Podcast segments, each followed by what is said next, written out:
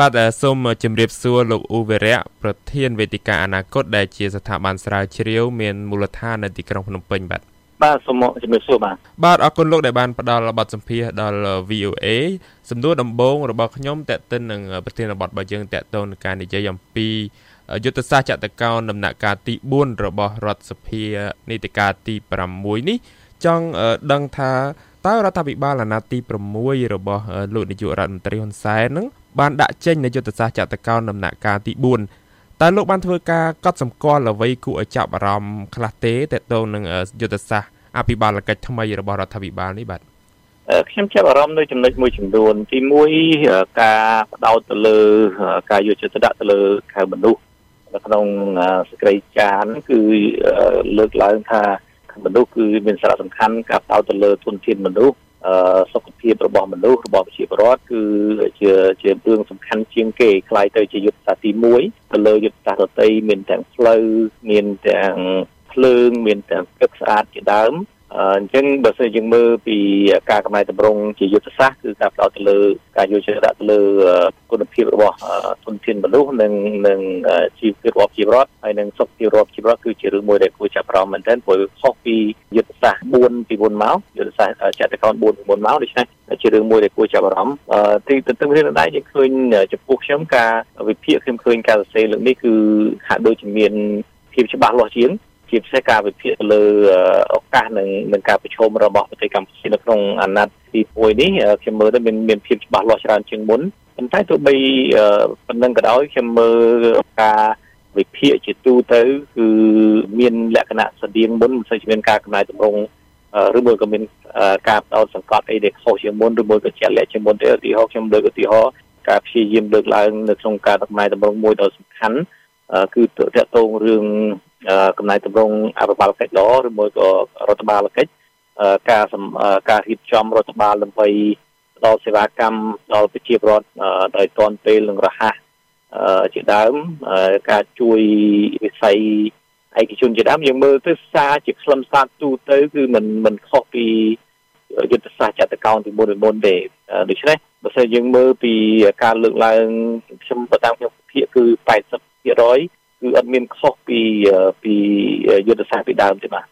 តើតើនឹងផងដែរយើងអាចឃើញថាក្នុងសិភៅយុទ្ធសាស្ត្រចតកោណដំណាក់កាលទី4ហ្នឹងឃើញមានការសន្យារបស់រដ្ឋាភិបាលក្នុងការធ្វើកំណែតម្រង់កសាងស្ថាប័នរដ្ឋហ្នឹងឲ្យមានភាពរឹងមាំជាងមុនតើសម្រាប់លោកលោកយល់ថាការនេះអាចនឹងទៅរួចទេបើពឹងផ្អែកលើបរិបទនយោបាយបច្ចុប្បន្នដែលថាពីមុន មានគណៈបពប្រឆាំងដើម្បីរងចាំត្រួតពិនិត្យការងាររបស់រដ្ឋាភិបាលទាំងនៅថ្នាក់ជាតិថ្នាក់ក្រោមជាតិបើថ្នាក់ក្រោមជាតិអាចមាននៅក្រមប្រសាគុំសង្កាត់ថ្នាក់ជាតិអាចនៅមានរដ្ឋសភាប៉ុន្តែឥឡូវនេះខាងគណៈបកប្រជាជនលោកគ្រប់គ្រងទាំងអស់ហើយមើលទៅអាចក្នុងបរិបទបែបហ្នឹងអាចកសាងស្ថាប័នរដ្ឋឲ្យមានប្រសិទ្ធភាពដែរទេលោកអឺតាមពិតឥឡូវនេះយើងដឹងថាទី1អត់មានការប្រកួតប្រជែងពីគណៈបកប្រឆាំងទេយើងមើលរដ្ឋសភាគាត់មានគណៈបកតែមួយគត់ដែលជាប់ឆ្នោត អញ្ចឹងក្នុងអាណត្តិនេះគឺជាអាណត្តិទី1ហើយដែលអត់មានការប្រកួតប្រជែងពីគណៈបព្វឆាំងឬមួយក៏ទូអង្គគណៈបព្វឆាំងគ្រប់រដ្ឋបាលជាន់ថ្នាក់ប៉ុន្តែនៅក្នុងគ្នានឹងដែរអ្នកដែលមានទួនាទីឃ្លាំមើលហើយក៏មានអាចឃ្លាំមើលបានហើយមានអំណាចខ្លាំងជាងគណៈបព្វឆាំងទៅទៀតនោះគឺប្រជាពលរដ្ឋនៅពេលដែលអាណត្តិនេះយើងមានប្រព័ន្ធ Facebook ប្រព័ន្ធអ៊ីនធឺណិតការផ្សព្វផ្សាយការនិយាយគ្នាជាដើមមានលក្ខណៈរីកចម្រើនច្រើនដូច្នេះខ្ញុំមើលទៅជារឿងមួយដែលគួរ ចាប់អារម្មណ៍ដែរថាតើរដ្ឋាភិបាលនឹងយកចិត្តទុកដាក់ទៅលើការឃ្លាំមើលរបស់ប្រជាពលរដ្ឋឬមួយយ៉ាងណាហើយតើប្រជាពលរដ្ឋនឹងចាប់ផ្ដើមមានអធិបុលកម្រិតមួយណានៅក្នុងអាណត្តិនេះអាហ្នឹងវាស្វែងទៅលើកត្តាពីរទី1គឺកត្តាប្រជាពលរដ្ឋខ្លួនឯងកត្តាប្រជាពលរដ្ឋនឹងយកចិត្តទុកដាក់ត្រឹមកម្រិតណានឹងនឹងបង្ហាញនៅសិទ្ធិនិងអំណាចរបស់ខ្លួននៅក្នុងកម្រិតណាហើយទី2តើតើរដ្ឋាភិបាលនឹងយកចិត្តទុកដាក់នៅផ្ដល់អំណាចដល់ប្រជាពលរដ្ឋដល់កម្រិតមួយណាហើយនឹងការឆ្លើយតបនឹង មួយទៀតដែលយើងគួរចាប់អារម្មណ៍ដែរនៅពេលអត់មានគណៈបពប្រឆាំងក៏អត់មានលេសដែរពីដើមមកជានិយាយពីរឿងការរៀបរៀងឬមួយក៏មានបញ្ហាផ្សេងផ្សេងដែលធ្វើឲ្យមានការលំបាកក្នុងការធ្វើការកំណែកំណែតម្រង់ឥឡូវនេះគឺអំណាចនៅលើដៃទាំងស្រុងអត់មានកន្លែងមួយណាដែល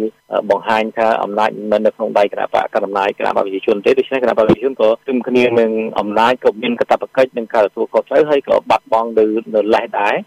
អ្វីដែលយើងព្រួយបារម្ភគឺការជិះសេះលេងដៃប៉ុន្តែការខុសចិត្តគឺតតែប្រជាពលរដ្ឋមានការយកចិត្តទុកដាក់អ្វីដែលខ្ញុំចាប់អារម្មណ៍នេះក្នុងឯកសារ យយុទ្ធសាស្ត្រចតុកោណថ្មីនេះគឺមានការលើកឡើងច្រើនដកកន្លែងច្រើនសារទៅលើការថែរក្សាសន្តិភាពនិងស្ថិរភាពហើយនៅក្នុងពេលណាដែលនិយាយពីសន្តិភាពនិងស្ថិរភាពការបដោតជាងគេរបស់ឯកសារនេះគឺចាត់ទុករឿងការប្រឆាំងទប់ស្កាត់នៃបរិវត្តពណ៌និងការលូកដៃរបស់បរទេសយើងមិនដឹងថារដ្ឋាភិបាលគាត់ជឿនៅនៅខ្លឹមសារប្រមាណនេះតែហាក់ដូចថាយកចិត្តដាក់មួយដ៏ធំនៃរដ្ឋាភិបាលថ្មីផងដែរបាទសភៅនេះ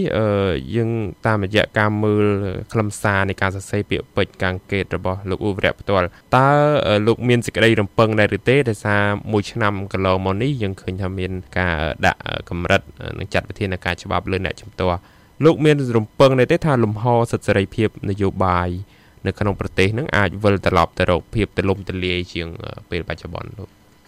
ខ្ញុំខ្ញុំមើលឯកសារនេះខ្ញុំមើលទៅខ្ញុំមើលទៅអត់មានពាក់ព័ន្ធអត់មានសញ្ញាមួយណាដែលថាយើងអាចឈានទៅដល់បន្តឬមួយទៅ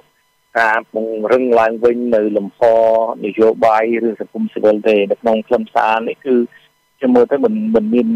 មិននិយាយច្រើនទៅលើតកតរឿងសិទ្ធិសេរីភាពប្រជាធិបតេយ្យនិងសម្ដេចប្រទេសមានការលើកឡើងពីការការពារនៅរបបសេរីពហុបក ប្រជាធិបតេយ្យសេរីពហុបកប៉ុន្តែមហាដូចជាមិនយកចិត្តដាក់ហើយក៏មិនមានកន្លែងមួយណាដែលក្រុមសារជាក់លាក់តកតរឿងការការលើកតម្កើងឡើងវិញហើយមានកន្លែងសារមួយចំនួនជាមើលទៅមានការធ្វើប្រំតកតរឿងឧទាហរណ៍ច្បាប់អង្គការក្រៅរដ្ឋាភិបាលដែលច្បាប់មួយអង្គការសង្គមស៊ីវិលអង្គការក្រៅរដ្ឋាភិបាលនឹងការធ្វើប្រំនៅពេលដែលត្រូវបានអនុម័តហើយនៅក្នុងឯកសារនេះគឺឯកសារនេះបានបញ្ជាក់ពីឆន្ទៈ ក្នុងការអនុវត្តច្បាប់នេះឲ្យរឹតបន្តឹងតឹងរឹងជាមុនវិជាជាមុនទៅគុំសិវិលអង្គការក្រៅរដ្ឋាភិបាលប្រហែលជាមានការធ្វើប្រំជាមុនទៅក្នុងរឿងលំហសេរីភាពរបស់អង្គការក្រៅរដ្ឋាភិបាលផងដែរបាទមួយទៀតបើនៅលើផ្នែកសេដ្ឋកិច្ចអន្តរជាតិវិញយើងឃើញមានការដាក់ចេញនូវគោលការណ៍បន្តដើរស្របនឹងចរិតពាណិជ្ជកម្មតាមបែបផែនពហុភាគីនិយមឬអង់គ្លេសយើងហៅថា multilateralism ហើយក៏បាននិយាយផងដែរអំពីការប្រឹងប្រែងធ្វើសមាហរណកម្មទៅក្នុងកិច្ចសហប្រតិបត្តិការឋានៈតំបន់នានាដូចជាភាពជាដៃគូសេដ្ឋកិច្ចឋានៈតំបន់គ្រប់ជើងជ្រោយ RCEP និងកំដៅជាមួយនឹងគំនិតបដួចផ្ដើមផ្លូវនឹងខ្សែក្រវ៉ាត់របស់ចិន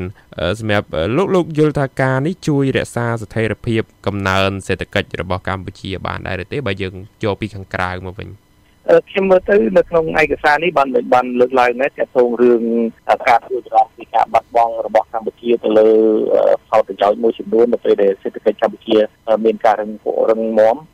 នៅក្នុងនោះទោះបីអំនិយាយគ្រឿងទីផ្សារដោយសហគមន៍អឺរ៉ុប និងសហរដ្ឋអាមេរិកដែលផ្ដល់អត្ថប្រយោជន៍មកទៅក្រីក្របំផុតដូចជាប្រទេសកម្ពុជាប៉ុន្តែយើងដឹងថាក្នុងឯកសារនេះហាក់ដូចជានិយាយពីរឿងរឿងទីផ្សារទាំងនោះទាំងនោះការធ្វើក្រមនៃការបាត់បង់នេះបានន័យថារដ្ឋាភិបាលប្រទេសកម្ពុជាកំពុងព្យាយាមរកទីផ្សារថ្មី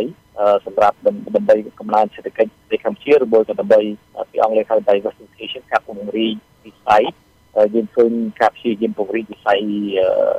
ឧទាហរណ៍វិស័យ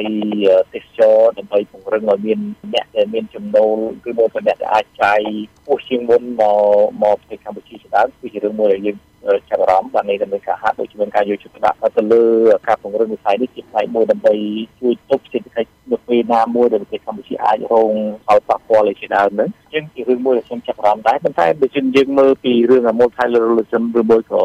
ពហុយន្តការពហុវិស័យឬមួយពហុជាដើមដូចជាយន្តការ free trade យន្តការ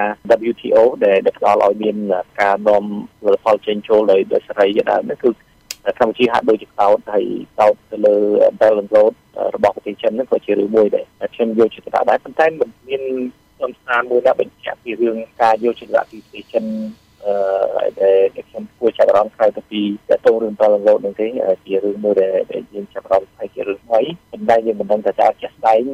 ឯកសារនិងឯកសារយុទ្ធសាស្ត្រជាសាធារណៈហើយនឹង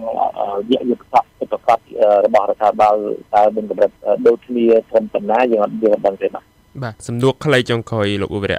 តើតាមរយៈយុទ្ធសាស្ត្រចតកោណដំណាក់កាលទី4ដែលលោកបានអានហ្នឹងហើយនឹងស្ថានភាព